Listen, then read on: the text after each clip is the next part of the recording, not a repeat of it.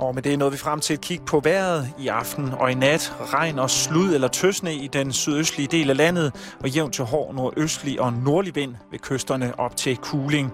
I resten af landet regn eller sludbyer hister her og frisk, let til frisk vind, ved kysterne stedvis hård nord- og nordvestlig vind. Temperatur mellem frysepunktet og 3 graders varme. Slut på nyhederne. Nu er det tid til satire fra udkanten af Danmark. Halløj i betalingsringen med Simon Jul.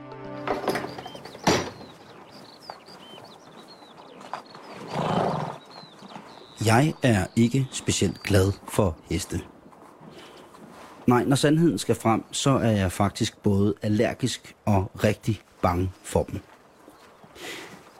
Men hvis man har en frygt, så skal man jo, ifølge nogen, tage den ved hornene. Min ven Nils, han bor i Nordjylland, og han opdrætter heste. Springheste. Og han har over 40 af slagsen. Det synes jeg er mange heste. Han er selv en rolig og sindig nordjyde fra Hirtals. Og han påstår, at hvis mennesket, der har hesten, er rolig af sind, så bliver hesten lige så. Så hesten ved hornene og en snak med hestehandleren Nils.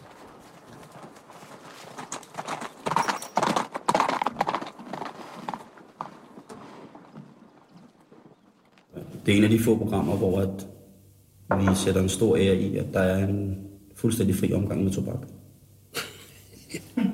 Men ikke alkohol. Ikke for mit vedkommende, Nej. jo. Men hvis du gerne vil have mere, Ja.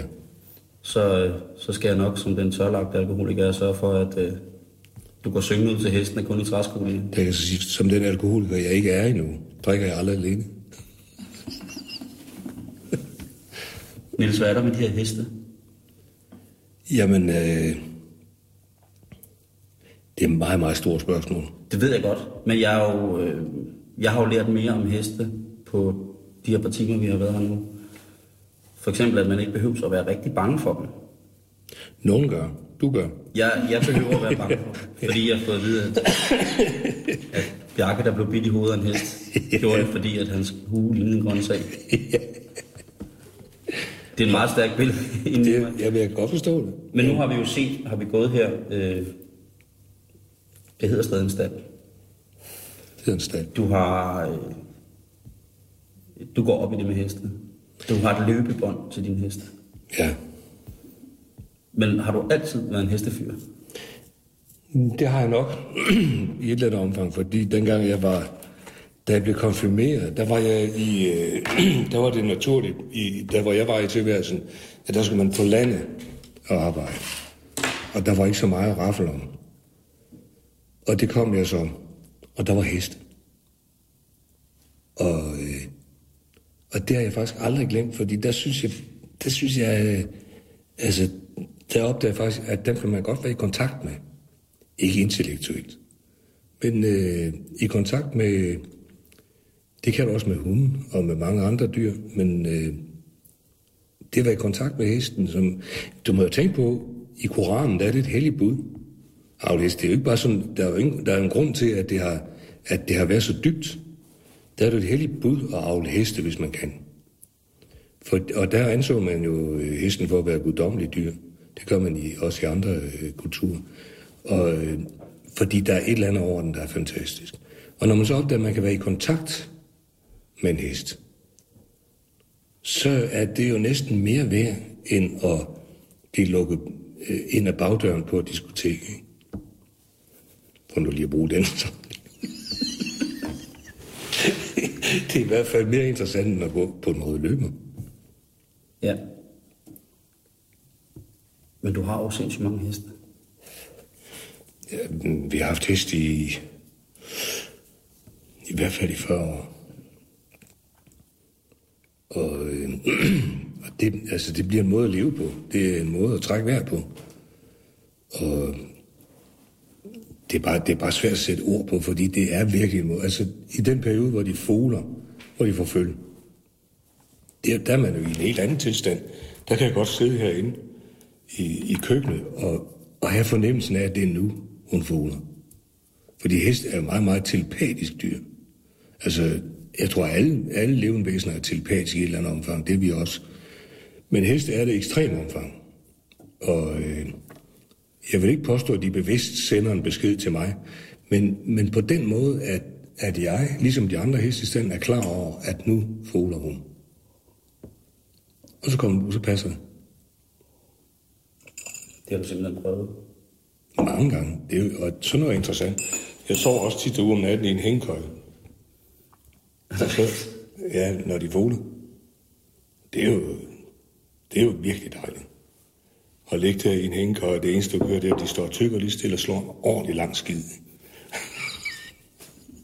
så, er man, så er man jo altså virkelig i kontakt med noget elementært. Ikke? Det vil jeg mene. Jeg lå en gang i en hængekøj over en stor dynge gulerødder, vi har liggende ved at få. Og så kunne jeg bare række ned og tage en gulerod en gang imellem, og så spise lidt med. Og, og så på et tidspunkt, der begyndte gulerødden, jeg, jeg tilskrev det, at det var fordi, de var ved at være gamle. De begyndte at smage stærkt. Virkelig stærkt. Indtil jeg fandt ud af, det var fordi katten sad og pisse oven i den.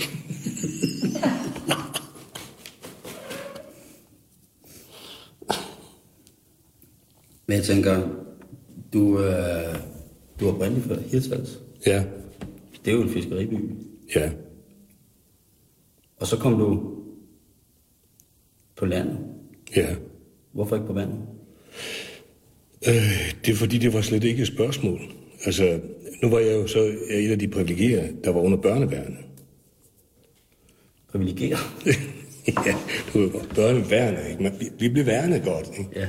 Og der var, øh, der var, øh, og de gik meget op i, at man skulle på sin rette hylde. Og den rette hylde var aldrig på søen. Det, det var der ikke noget, der hed. Så, Hvorfor var den ikke det, hvis man var fra Hirtshals? jamen, det vil jeg ikke. Det var fordi, vi ville gerne ud og sejle.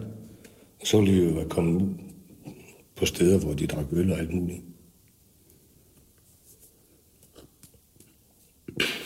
Det synes jeg, det lyder godt nok lidt mærkeligt. Men du er blevet hængende heroppe, trods alt. Jeg, jeg boet mange forskellige steder, men jeg har ikke, jeg mangler argument for ikke at bo her. For jeg kan godt lide at bo her, og Du har gået på akademiet i Aarhus. ja, Hvad var det for en akademi? kunst. Fordi det var egentlig bare, fordi jeg gerne lære at tegne. Jeg, jeg, jeg, jeg kunne godt lide at tegne, det kan jeg stadig. Så gik jeg på billedhuggerlinjen, fordi der tegnede man mest.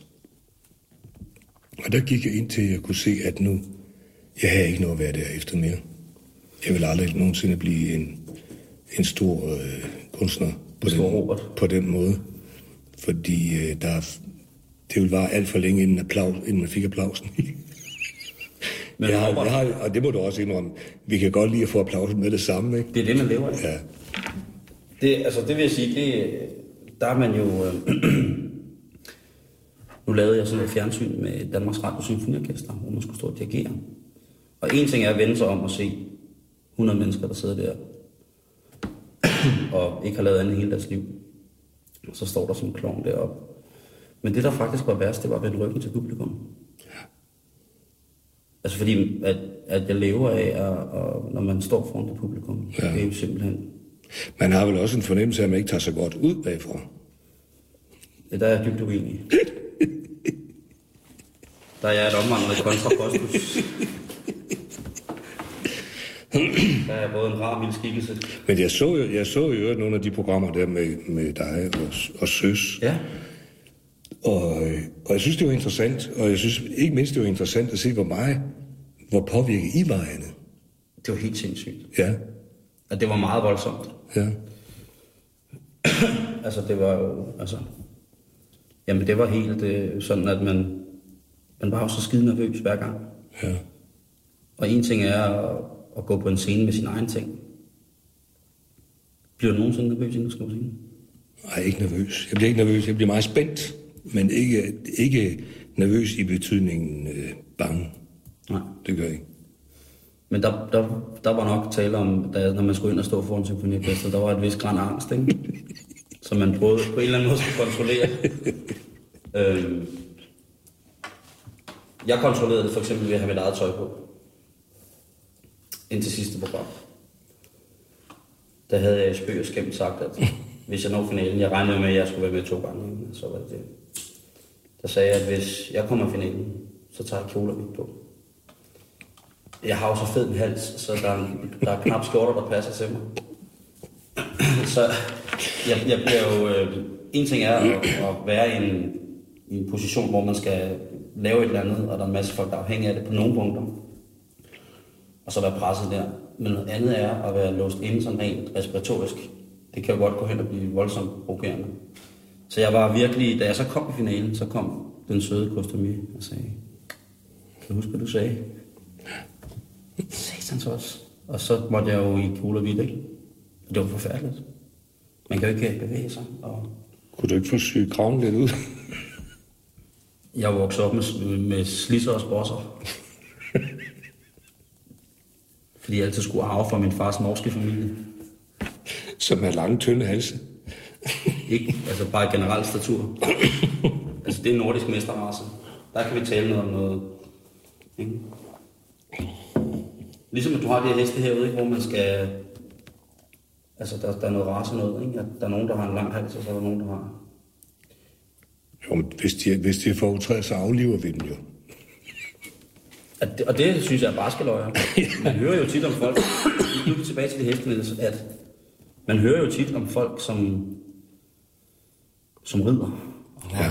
har et meget, meget nært forhold til deres hest. Og når deres hest så skal lægges ned, eller aflives, ikke? Ja. så er det ganske, ganske forfærdeligt. Jamen, det er det også. Og det, det, er, det er det også for mig, men vi gør det da alligevel. det gør ikke noget, noget. For vi har det, altså at sælge en hest billigt, fordi der er en eller anden lille ting i vejen med den. Det er ikke at gøre hesten en tjeneste. Fordi øh, så kan du risikere at møde den på de der forhistoriske hestemarkeder, der er rundt omkring. Og det er ikke ønskværdigt for en hest. Så en hest, der ikke er i orden, og som du ikke kan sælge for det, den er værd, den gør man en tjeneste ved at aflive. Fordi, fordi min, øh, det er min mening i hvert fald, at det aldrig nogensinde er synd for en hest at være død. Nej. Ja, ikke, ikke rigtigt, men det er tit synd for en hest at være levende. Hvem har lært dig alt det her med heste? Jamen, det er the hard way. Det er bare let ved at gøre det. Så du er autodidakt. Det kan man sige. Der er ikke nogen sted, du kan gå hen og lære noget. Jo, vi har, vi har sådan set elever her, der så kan lære af de erfaringer, vi har gjort. Ikke? Mm. Men øh, det er jo hesten, der lærer en noget. Og der, der er så forskelligt. Det er meget, meget... For nu er jeg så gammel, så jeg har været med så mange år, at jeg har været med fra, at hesten skulle øh, vide, hvor, kende sin plads, at den skulle have nogle tæsk, og det skulle indtil, og, og nu vender det så til en meget, meget mere begavet måde at omgås hest på. Og der er nogle fantastiske hestefolk, som ikke mindst Monty Roberts og sådan nogle, som har afkodet hesten. Sådan at man går i en dialog med den i stedet for. Og så opdager man, at hesten er det venligste dyr i hele verden, og den vil meget, meget gerne samarbejde. Det ligger dybt i. Og, øh, og det er der så folk, der har fundet ud af, hvordan man får adgang til det. Så nu er det en meget, meget lidt voldelig affære at arbejde med heste, og det er dejligt. Er det er ham der, Monty Python, eller hvad han hedder? Er det sådan en øh, hestevisker? Jeg synes lige, man må sige, det er så ikke af Monty Python, men Monty Roberts, amerikaner, som har, øh, som har nogle idéer, som han har fået af at studere vilde heste, altså Mustangs. Og, øh, Biler. og øh, nej, ikke biler, nej. Den er opkaldt efter, det er rigtigt. Ja. Sorry. Den har også logo. Mm. Det er en amerikansk øh, hest. Ja, det er en ja. indianerhesten. Ja, ja, okay. Ja, selvfølgelig. Sorry. Og der har han så fundet ud af, hvordan heste øh, kommunikerer indbyrdes og agerer indbyrdes, og så gør han egentlig bare det samme. Og så er det egentlig ret øh, problemfrit. Hvis man, hvis man ikke er... Det er som regel kvinder, der gør det. Kvinder er bedste hest, det er der slet ingen tvivl om. Kvinder har øh, et indbygget...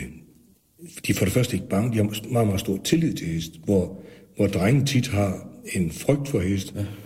og, øh, og vil øh, dominere den på den forkerte måde. Ikke? Den har kvinder slet ikke. De, har, de er rigtig dygtige til. Men, øh, så det kan godt være, fordi jeg er lidt kvindagtig. Så, kan, så kan jeg godt lide det.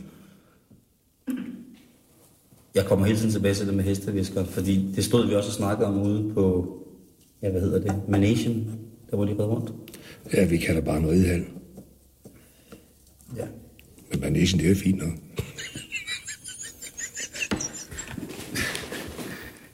Snakket om, at, øh, at der findes hestepsykologer. Altså, vi har jo alle, alle sammen ved mere eller mindre heldige, eller under mere eller mindre heldige omstændigheder, jo måske været i kontakt med det filmiske stykke arbejde, der hedder Hesteviskeren.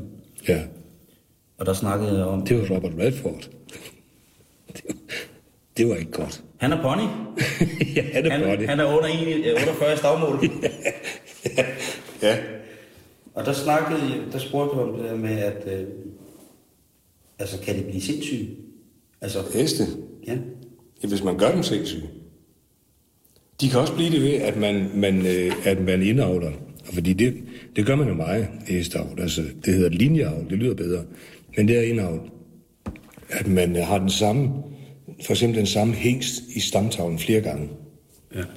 For at avle tæt på nogle meget, meget gode egenskaber. Det har den, den øh, ulempe, at man forstærker de gode egenskaber og de dårlige egenskaber. Og det kan, det kan godt give, gøre den psykisk lidt øh, skrøbelig. Så det, Men det hesteviskeren jo gør, er, at han reparerer hesten.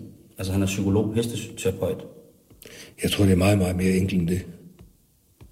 Jeg tror, det er, jeg tror, det er helt enkelt. Jeg tror, øh, de der hestevisker, som, som jeg bestemt ikke undsiger, og som øh, ikke alle sammen, nogen gør, øh, fordi de har ikke baggrund for det, de gør. De prøver bare at finde en genvej til, og, men, men, øh, men øh, de gode af dem, de gør jo egentlig det, som man selv er kommet til at gøre gennem årene ved at med hest. De har bare sat ord på det, og det er meget, meget vigtigt, at der kommer ord på. Ja. Så når man ved, hvad det er, man gør. Og, øh, altså, jeg har haft heste, som, som jeg har trænet til, til koring og sådan noget, hvor jeg fandt ud af, for eksempel have en, der hed Sonny. Og hvis jeg så stod og sang eller fløjte, øh, en sang, der hedder øh, da da da da da da den hedder noget med Sonny. Jeg kan ikke huske. Hvis jeg sang den? Er det den der Sonny? Nej, Yes, nej. Sonny, nej. det kunne godt være. Nej. Ja, du synes, det var fedt at høre sit eget navn på den måde.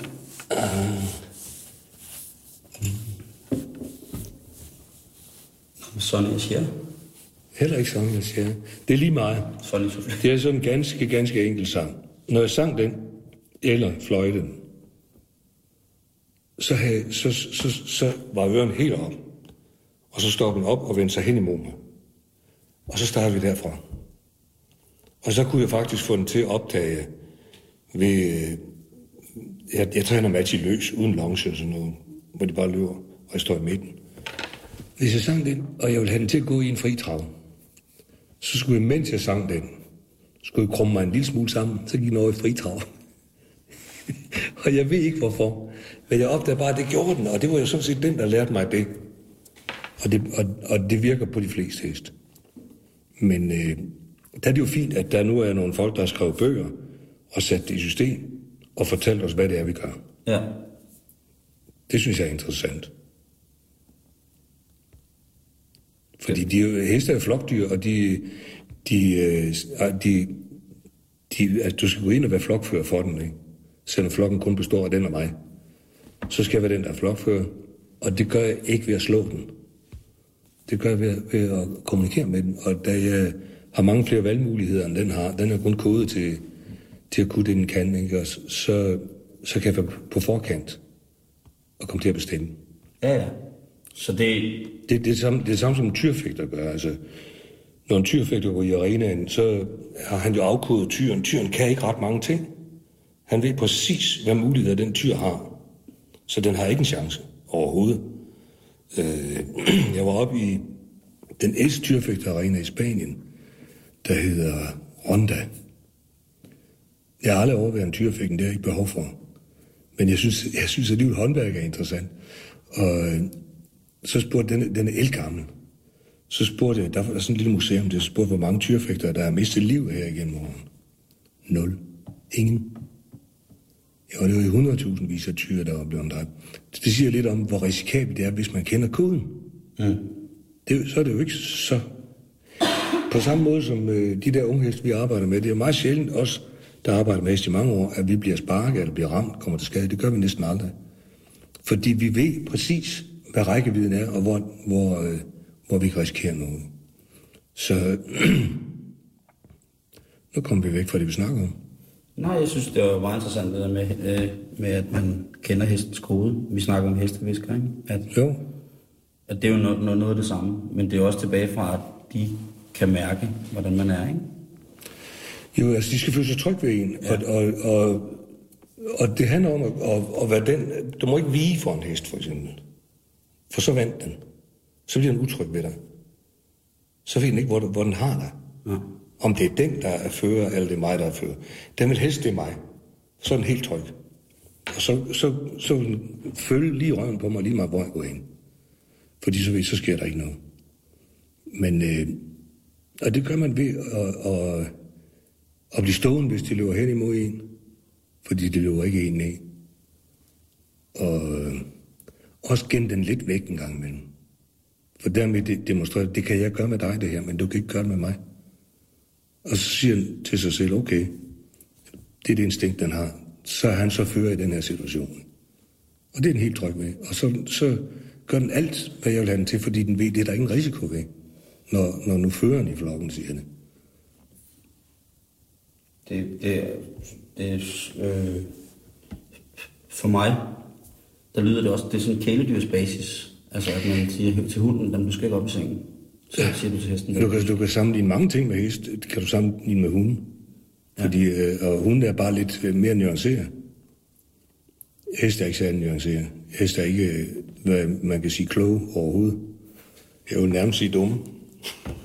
men, men, øh, men de har sådan nogle meget enkle mønstre, og, og derindenfor kan man manipulere med dem. Ja. Og kan man gøre dem tryg ved ens øh, nærvær.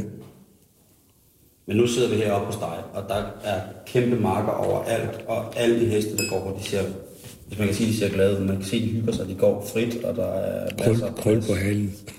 Ja, hvis man kan, det kalder man det. Jeg tør jo ikke sige noget mere om heste, men det, det ser ud som om, at, ligesom, at de har det godt. Og så har du springheste Ja, øh, inde i ridehallen.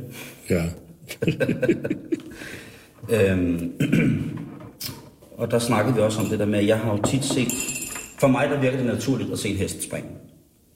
ja. Altså, det ser elegant ud, og det ser, det er sådan, den, det, når vi kom ind, når de kom med de her heste ind, i, ind på, ind på ridehallen, der hvor den gik, øh, hvor de så løb, fik de også bare lige lov til at løbe lidt rundt og springe og sparke og være helt vilde, og så havde du to køndige hestefolk derovre, ikke, som ligesom, så blev de sat til at springe og sådan noget. Så det ser meget naturligt ud for dem. ja.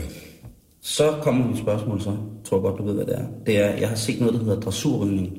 Ja, Der går hesten, altså den, den danser chassis sidelæns. Og det ser så lidt hesteagtigt ud. Er det naturligt? Kan det være en glad hest, der gør det? ja, ja det kan det jo. Det, det er jo du kan ikke få en dressurhest til at gøre noget, som ikke er naturligt for den at gøre. Du kan få den til at gøre, gøre det i, i mere udpræget grad, end der er naturligt for den. For det der med, at, at heste kan jo... Selvfølgelig kan de, det hedder skænkelvigning. det kan de jo selvfølgelig godt, og det gør de også ude i naturen, hvis det er nødvendigt for at undvige noget. Ikke? Fordi den funktion har de også, og det kan de godt. Og en god dressurrytter kan få en hest til at gøre de der ting, og få det til at se fantastisk ud. Ikke fordi man tvinger hesten til det, jo det gør man også, men fordi hesten gerne vil. Den vil gerne øh, gøre noget, den vil gerne have ros bagefter. Heste er meget modtagelige på ros, altså der er de ligesom mennesker. De skal have ros hele tiden. Jeg havde en voldsom diskussion med en veninde, som, er, øh, som går meget op i øh, de her trækdyr. Og der var jeg nemlig ude i, at jeg synes, at jeg er en stor dyreven på trods af min voldsomme allergi. Men jeg var, der var vi ude i, at jeg synes, det så ud, som om det ikke var behageligt for hesten. Det er heller ikke sikkert, det er behageligt. Det, jeg, jeg, jeg har svært ved at tro, at, ud. Ikke? at, det, at det er behageligt at have en, en, en tyk rytter siden på ryggen. Det tror jeg ikke er behageligt. Det vender de sig til. Men så, men så, så er der kommunikation mellem rytter og hest. Og hvis den fungerer godt, og, og rytteren forstår og anerkender hesten på de rigtige tidspunkter, så tror jeg på, at hesten trives rigtig, rigtig godt med. Og dem, der ikke forstår det, de kommer heller ingen vej. De når aldrig derhen, hvor de gerne vil. Så jeg skal... Ros, ros, ros. Ligesom mennesker. Det er utroligt, man kan rose mennesker til. man, kan ikke, man kan ikke piske dem til alting, man kan rose dem til næsten alt. Der bliver vi nok ikke helt enige. Men, øh, Ja, ej, Åh, men jeg siger, jeg siger bare... Helt ærligt, hvis du møder en kvinde, og hun siger, åh, du er så stærk, kunne du ikke lige... Fisk mig. Ja, ja, du er så stærk, vil du ikke lige piske mig, så vil du da gøre det. Ja, det kan du se. Ja. Ja. Hvis jeg kunne se det på bundlinjen, så skulle jeg... Så jeg skal ikke være ked af det på dressurhestens vegne. Nej. Det tror jeg, min veninde Christina bliver rigtig glad for. Jeg ser ved bo og tong og træt Jeg fået min øen et Nogle han på det var næsen en døve man skulle være down slow Og nærmest ikke helt rigtig klog Og man kunne læse ned og tage en lov Først en halv time på den jern, se Så en halv time på den anden Og så på ryggen en time til halvanden jeg først en halv time på den jern, se, så en halv time på den anden. Så på ryggen en time til halvanden. Jeg det er når at læge. Lige så stille og læge med ned, og sæt på korn for postelæn til at se. Og det var en spøgerquiz. Man skulle blive befængt med stress, når man må tænke sig om og passe på et tag. Først en halv time på det ene se, så en halv time på den anden. Og så på ryggen en time til halvanden. Ja, først en halv time på det ene se, så en halv time på den anden. Og så på ryggen en time til halvanden. Og med et som er i røven, gør godt med mig i søvn. Det må sige så var i god gammel skik. Men som man nu sikkert ved, er noget med jeg til, er efterhånden for en god teknik.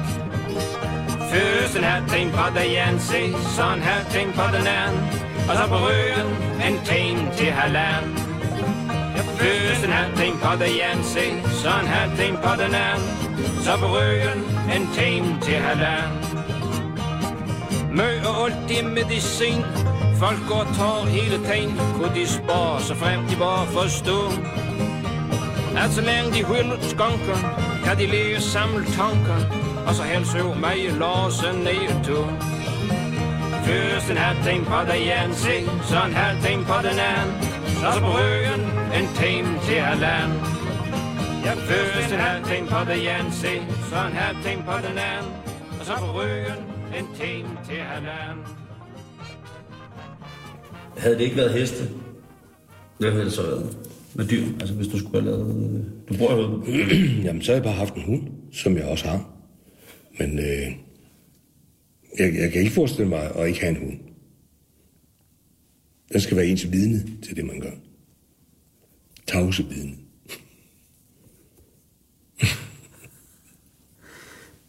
Okay. Og har en hund, tit er det jo den eneste, der bliver glad, når man kommer hjem, ikke? Ja. Eller, altså... Eller frustreret. De bliver altid glade for at se en. Ej, hun er fantastisk. Hun er udvider ens, ens tilværelse, synes jeg.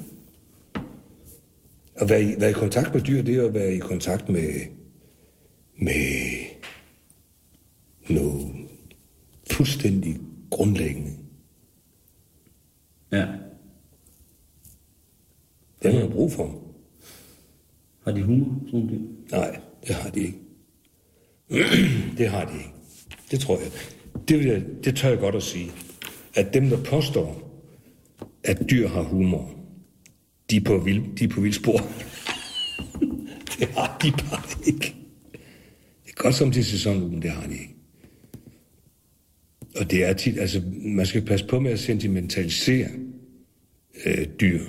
Ja. Fordi det er der, nu snakker vi meget om, om, om, om øh, dyrmishandling og sådan noget. Ja. Det mest dyrmishandling, det sker jo i sentimentalitetens navn, synes jeg. Altså nu, nu ser vi bort fra landbrug og svinavlen. Ja. Så er det jo sådan, altså Noget af det værste, jeg ved, det er burfugle. To fugle, der sidder i et lille bitte bur inde i en skummelstue. Ikke? Ja, Det er da dyrmishandling. det synes jeg også.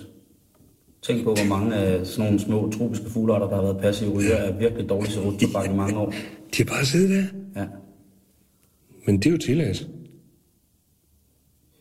Jeg har det jo sådan, at jeg får det jo bare at sætte i zoologisk have.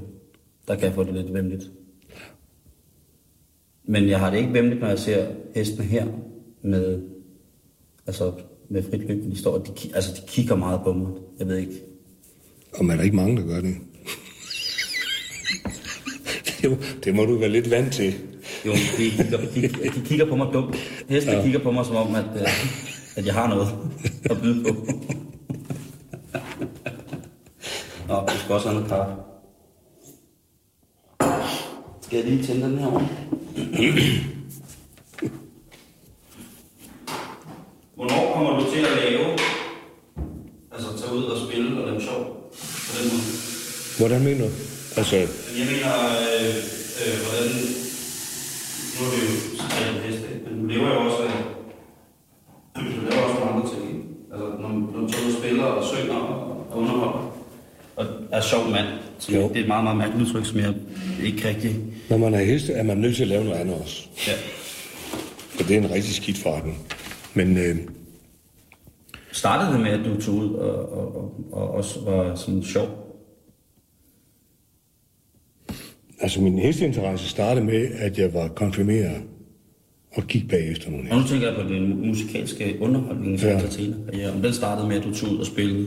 Nej, det gjorde han faktisk ikke. Nej, det gjorde han ikke.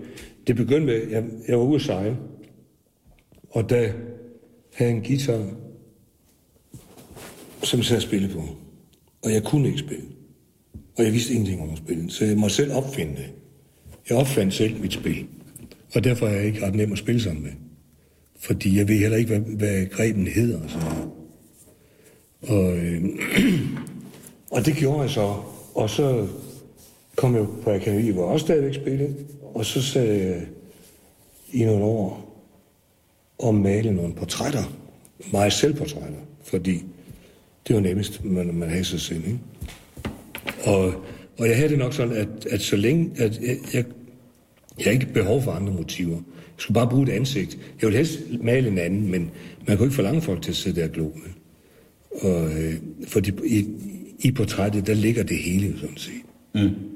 Det, er jo, det bliver man jo aldrig nogensinde færdig med. Og det ser jeg og lave samtidig med, at jeg skrev nogle tekster på dialekt. Så sige, hvorfor gjorde du det? Det ved jeg faktisk ikke. Det, det, jeg ved ikke, hvorfor jeg gjorde det, men jeg skrev rigtig mange.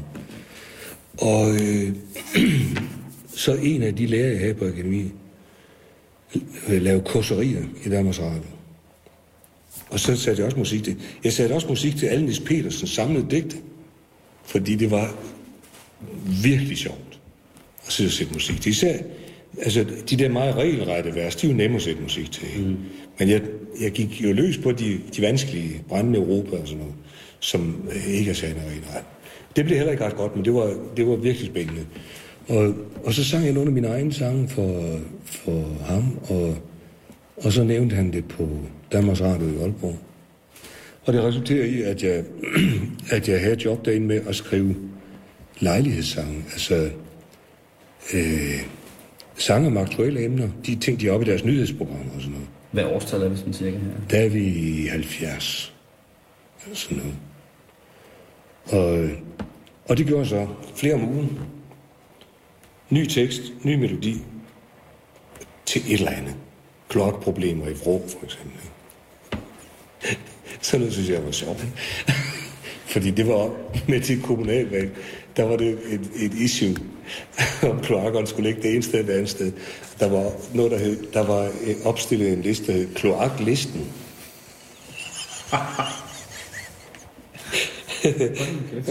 Sådan nogle ting skrev jeg, skrev jeg sang om. Og, og så efter nogle år, så blev jeg kontaktet af, af ham, der hed Country Palle. Jul hedder han i øvrigt. Han havde et øh, pladeselskab ude i Sønderholm, og spurgte mig, ikke jeg ville indspille en plade. Og så sagde jeg, det vil jeg ikke, fordi det vil du komme til at miste så mange penge på, at det vil jeg ikke være skyld i. så det, glem det. Jeg, jeg har heller ikke den ambition overhovedet. Men så efter et stykke tid, så sagde han, kom han tilbage, så sagde han, vil du noget at hyre de gyldne løver som backing, og så kommer du, så laver vi på to weekender, indspiller vi en plade. Så siger han, jeg har advaret dig. Jeg vil gerne så, men det, men det kommer til at koste dig penge, det her. Og så havde vi de to sjoveste weekender, jeg nogensinde har haft, hvor vi bare spillede. Og, og, og havde det virkelig morsomt. Og boede i studiet. Vi kom aldrig ud. Og, og indspillede jeg ved ikke, hvor mange numre. Og så viste det sig, og det var en i sang, som jeg egentlig havde skrevet til Danmarks Radio. Så viste det sig, at der var et faktisk ret stort publikum til de sange. Og derfor kørte det så. Kun herop, eller hvad? Nej. Jeg havde mit allerførste job her på, jeg tror det var Rødovre Bibliotek. Altså sådan rigtigt job med kontrakt og sådan noget. Tror du, de synes, at du var til grin, eller tror du faktisk rent faktisk, de synes, at de Nej, jeg tror ikke, de synes, jeg var til grin. Sådan tænkte jeg i hvert fald ikke. Det kan da godt ske. Men øh, Kommer der sådan en jyde, så? ja, men det var sjovt. Jeg kan huske, mit første job, det var en eftermiddag. Der var en del børn. De legede futtog rundt om mig, mens jeg spillede. jeg tænkte, det her, det er fuldstændig surrealistisk. Men det var meget sjovt. Og så, så fortsatte jeg. Og siden har jeg så faktisk haft, øh, jeg har haft turné hver år. I, I starten der havde jeg langt over 100 jobs om året.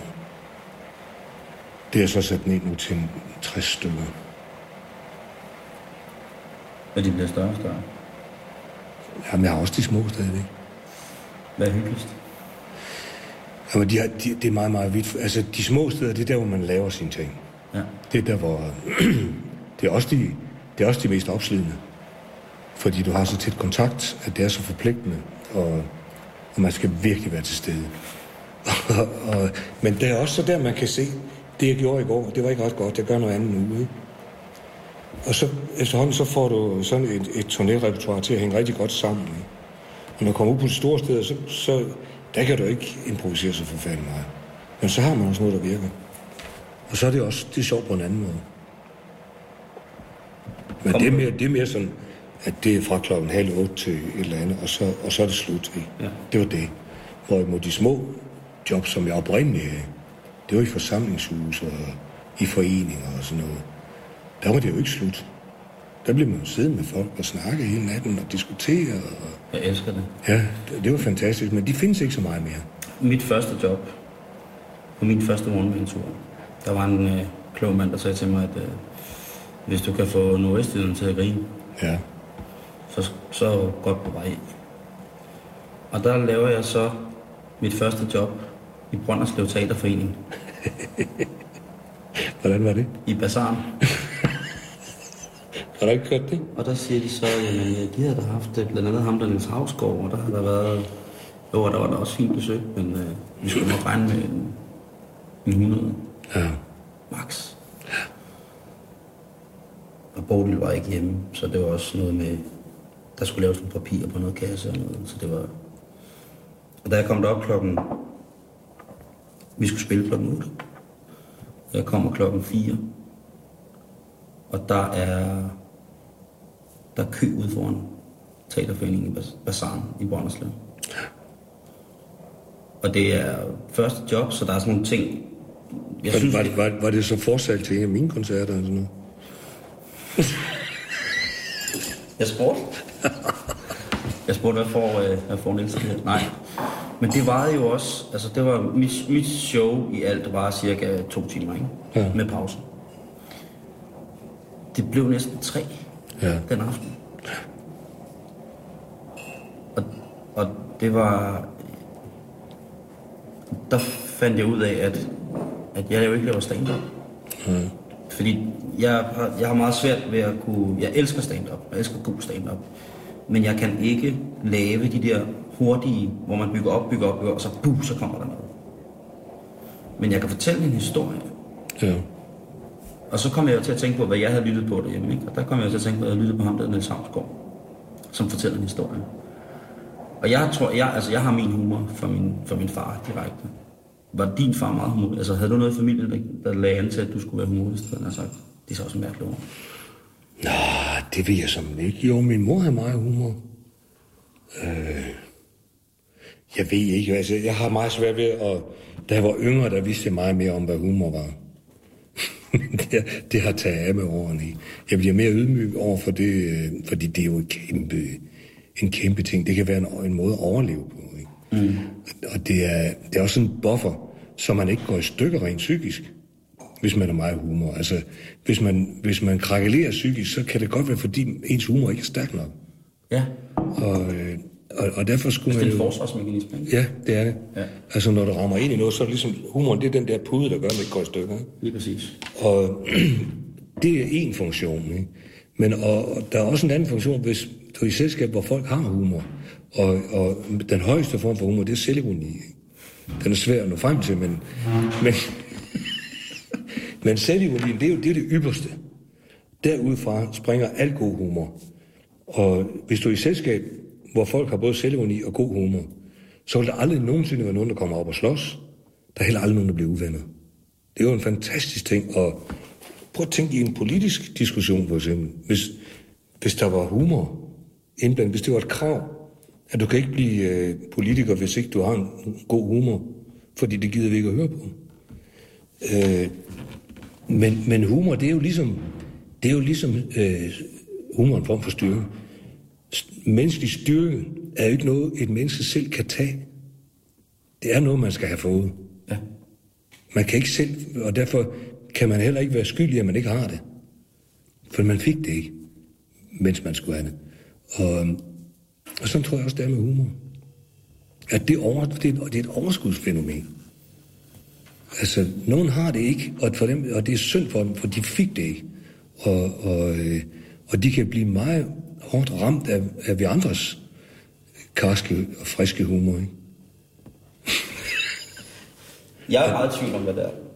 Jamen det, Altså, jeg, nu, har jeg lavet, nu har jeg jo ikke lavet det i, nu har jeg lavet det en, en procentdel af, hvad du har lavet det i år, ikke? Altså, men, men jeg bliver, nu bliver jeg ansat på radioen her, ikke? Og har mit, mit radioprogram, og jeg blev, og det skulle være satire. Der var en skrivelse, hvor der i, der stod, at vi skulle levere noget satire. Og der blev jeg så lidt i tvivl om, hvad satire er. ja. Fordi hvis, jeg reelt, hvis man reelt ser på, hvad satiren er, den behandler et aktuelt emne, og så drejer den det lidt. Ikke? Dem, som reelt gør det mest, stand-up er meget navlepillende. Det handler kun om os selv. Det er også sjovt, der er vi tilbage med selvironi, men det kan også blive utroligt meget. Men hvis man skal lave satire, så skal man jo tage fat, der er nogle lokalpolitikere, der er noget, noget nationale politiske emner, et eller andet, som det skal, altid det skal falde over. Ikke? Og så, så kigger jeg lidt på det og finder ud af, at, at dem, der egentlig gør det mest, det er revyerne. Ja. Og jeg har været inde og se revy nogle gange. Og problemet er, at jeg griner på de forkerte tidspunkter. Det er ensomt. Det er en ensom ting. Det er ensomt, når man sidder med hele Dansk Folkeparti's elite på en hvid, rød og hvidtagende du med kanner af Liebfraumilch og kommer til at grine forkert. Og, og så var det sådan, der var en dame, der sagde til mig, du griner på de forkerte tidspunkter. Og jeg blev virkelig flov. Jeg kan gøre mange mærkelige ting, men der blev jeg virkelig flov over, at jeg grinede på det forkerte tidspunkt. Øhm, så jeg ved ikke netop det der med, hvad er, hvad er satire, hvad er humor. Ikke? Altså, jeg kender mange af mine venner, som er der er medio 30, ikke? og der er meget stand-up, som vi ser, men de går ind og betaler for at sætte Savsgaard. Eller de går ind og hører Allan Olsen. Eller de går ind og hører et eller andet, som er... For dem siger de måske, jamen der er bare noget andet. Det er en historie. Øhm, og så snakker folk om det jyske lune, og de snakker om... Det, det er dig. Jeg tror, det er mig. Det kan være vigtigt. Jamen det... Øh...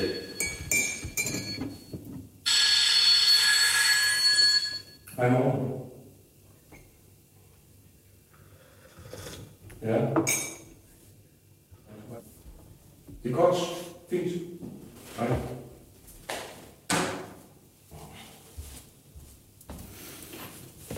Nej, men det er det der med, hvorfor, at, hvorfor tror du, at, øh, at, at det er, er så stort med det der lune med, at lige pludselig så... Jamen, jeg ved heller ikke, altså lune, det er også sådan, det er jo en betegnelse, som jeg selv er lidt overfølsom overfor. Godt. Øh, for jeg ved ikke, hvad det er. Nej.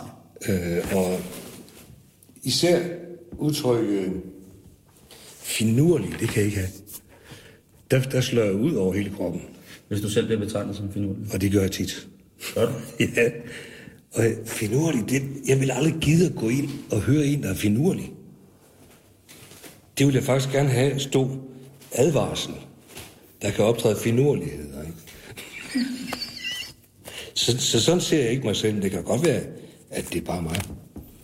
Men jeg ved ikke, hvad det er. Altså, det er et spørgsmål om... Jeg er opdraget i, en, øh, i min tidlige barndom, der var det, og der var der ikke fjernsyn og sådan noget. Og øh, når, når familien var samlet, så det var jo virkelig mange mennesker. Fordi det, det gjorde man dengang. Til store spisninger med rigtig meget sovs og sådan noget. Og, og jeg tager det som jeg, noget, som jeg husker tilbage på med meget stor glæde. Og så de gamle i familien, de har sådan dybe stemmer. Det var, sådan, det var bassen, det var sådan, de brummede bare sådan lidt hele tiden. Snakker om, om tjekkens berettigelse kontra redde penge og sådan noget og, og det var meget beroligende som barn, at sidde og høre på de der voksne mennesker, der snakker. Og, og dem, der så var gode til at fortælle, og det var der en del, der var i min familie, de fortalte historier om det selvfølgelig er udgangspunkt i et eller andet aktuelt eller noget virkeligt, men som jeg tror øh, løber spor for dem nogle gange. Og det var ikke historier, der havde en pointe. Det var historier, som når der blev sagt, værsgo, så er maden på bordet, så er historien færdig. Uanset hvad. Og så er den, været- den er været værd at høre på alligevel. Fordi den, der var kød på den hele vejen. Ikke? Det var ikke bare sådan en tynd streg, der skulle føre hen til dong. Aha. Slet ikke. Det var underholdende hele vejen igennem. Og det er den måde, jeg er, det er den måde, jeg er opdraget på. Og, og jeg tror, i øh, langt den vejen, er det også den måde, jeg arbejder på. Altså, jeg arbejder ikke så meget med pointer. Altså sådan revyagtigt. Jeg gør det i det omfang, jeg kan, men jeg er ikke god til. Fordi det er ikke det, jeg går efter.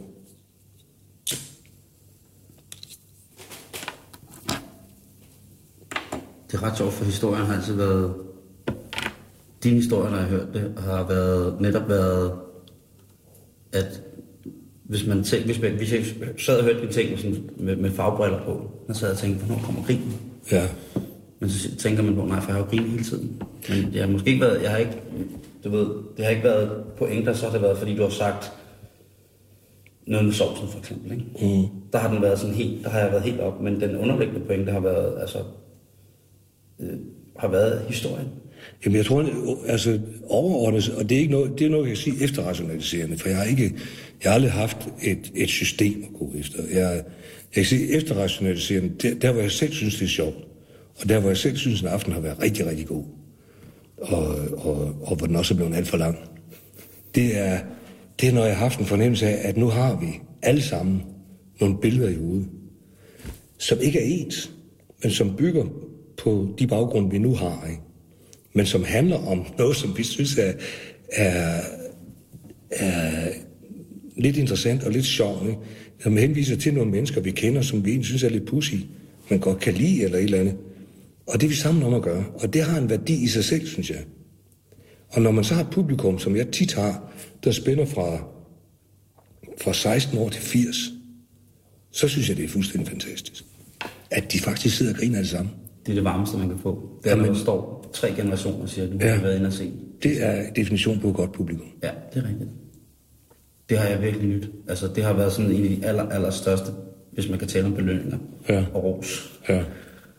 Altså, der, det har været at se, at der kom øh, bedstefar, far og barnbarn. Ja. Jamen, større bliver det ikke. Nej, det og, og, og der er jo en stærk tendens i de her år om, at, at hvis der kommer nogen ind med samme hårfarve som mig selv, så er det sådan lidt, ah, det er ikke godt. Du vil gerne have de unge ind. Og der kan jeg sige, jeg vil gerne have de unge ind, men jeg vil også gerne have de andre ind. Ja. Og jeg vil gerne have dem samtidig. Men det er også det, der er svært. ja. Men jeg har, jeg har jo heller ikke noget system, fordi jeg, jeg kan kun tage udgangspunkt i mig selv, og så tilbage, er vi tilbage til, om det er navlepillende. Men jeg vil gerne have, at folk de kan sætte deres egen omgangskreds ind i de roller, som, fordi vi har jo alle sammen nogen, som minder om Ja. hinanden. Man kan sige, okay, det der, det er så, det er smeden. Det der, det er ham, vi kalder Poulsen. Det der, det er, og så kan jeg sige, det er fuldstændig som fuld. Altså, jeg havde Federike, som altid troede med os at slå os ihjel. Øh, fordi han ville køre efter os på sin knaller med en jernrør. Øh, men nu var lastevnen på hans knaller så svag i forhold til hans fylde, så den kunne aldrig komme hurtigt op, end man kunne gå fra ham. Altså, han kunne ikke rigtig få den ud af røven bagefter. Præcis. Men, men alle folk, når man fortæller den historie, så siger jeg, jo, Federik er selvfølgelig med. Men det, de griner mest af, det er, at de kan huske, der var sådan en bølle, som dengang man var lille, var, Ja. det var det onde selv. Ja. Men når man kigger på det i dag, godt kan se, at hold da kæft, hvad var det for en menneske, ikke? At man griner, og det, det, det øh, snakkede vi, eller så har jeg snakket med min far om, altså, når vi, når vi sidder og hører dine gamle plader, som er sange, at jeg synes, og har kunne grine mig, uden det skal blive en smedekampagne, at jeg har grinet utrolig meget af den sang, en gammel sang, der hedder Skvallerkål. Og det, nej, det er Paul Dissing, der har lavet den. Det er Paul Dissing, der har lavet den. Det er forkert. Det er rigtigt. Ja, ah, det, du du, hvad, så stopper du, vi her, fordi du, så- kunne have- du kunne have nævnt en, jeg blive mere ked af. Det er fuldstændig forkert interview, jeg laver. ja. Det, øh, det, nej, men øh, at det var... Så har det været for eksempel sådan en sang, som... Du har lavet en sang, der hedder Min Far, tror jeg. Som handler om, at man har for travlt. ja. At den er stadig sjov, men den er også sørgelig. Jamen, det har jeg jo ikke noget imod. Altså, jeg, jeg, jeg mener, det, det har aldrig været en ambition for mig at lave en aften, hvor folk griner hele tiden. Fordi det skal have en baggrund. Det skal have en spændvidde. Vi skal, det, må- det må også godt øh, blive meget alvorligt for mig. Det, det kan jeg godt lide. Hvis, hvis der er noget, som jeg virkelig synes er vigtigt, så tager jeg det med, også selvom det ikke er underholdende. Men så er jeg nødt til at fylde grin på bagefter for at betale af. For, fordi der, der står jo på kontrakten, at man skal underholde. Der står ikke, at man skal prædike. Men, øh, så det skal man jo gøre. Men, men jeg kan godt lide der, hvor vi har grinet meget, og så bliver helt stille. Fordi det er en del af det. ikke? Altså, hvis, griner, det er jo helt heroppe i, i de høje lag. ikke? Ja. Men, men på et eller andet tidspunkt, så, så flytter normen jo derop. Ikke? Ja. Og, ja. og så, hvad, hvad vil du så gøre? Ikke? Ja, ja. Derfor er man nødt til at skal øh, helt ned også. For at have den der... Det er jo, det er jo øh, motion for sindet simpelthen. Og det er faktisk, jeg tror, det er det. Hvis man har været til noget, hvor ens sind bliver motioneret fra det grådkvalte til, til latteren mm. flere gange, så har man haft en oplevelse. Så går man derfra og har haft en oplevelse, som man måske ikke engang kan sætte ord på. Men, men jeg tror, det er der, øh, oplevelsen ligger. For man kan også godt gå ind og, og, og, og overvære noget, hvor man griner hele vejen igennem. Og når man går ud, så kan man ikke engang rigtig huske, hvor, hvorfor. Og så oplevelsen fortager sig, lige snart man er ude, så er der ikke mere. Og jeg skal ikke sige, at jeg ikke selv har leveret det. Nej, men det, det tror jeg i den grad, du har. Men jeg tror også, at hvis man som voksede op på Stenbroen i København for eksempel, helt ærkebybo, og har aldrig set rigtig mørke, stadig går ind og griner, og græder af din sange, øhm, så må man vel for fanden have fat i et eller andet. Ja, og der, og der er du, når du, går, når du går ned og får fat i det der elementære, ikke? så er vi jo absolut ikke forskellige. Har du været, altså har du, kan du give et eksempel på, hvis du har lavet en eller anden ting, for eksempel, hvor, hvor folk er kommet hen til dig sagt bagefter, det var simpelthen, det var, og hvor du selv har mærket, at det var godt nok, det var meget, meget rørende, både for dig og for, for dem, ligesom at man siger, at det, nu har vi behandlet et emne, som var, som, Ja, fordi der bliver jo det, og, og det må du også vide, altså efterhånden som åren går, og man har, man har stået der så mange gange, og det er ens håndværk, og, øh, så, så får man jo også øh, ret fine antenner til at fornemme, hvornår vi trækker vejr i takt. Ikke? ja, Hvornår, hvornår der er et billede, eller et eller andet, vi er sammen om lige nu. Øh, det kan man jo fornemme meget, meget klart, ikke, når, ja. når den er der. Så må man ikke skamride det. Så skal man lade det have den varighed, det har, og så ikke mere. Og så sådan gå videre. Ikke? Men, men, men når vi når dertil nogle gange i løbet af en aften, så er det en god aften for mig. Ja. Også selvom jeg ikke fik mit budskab ud om de røde og sådan noget.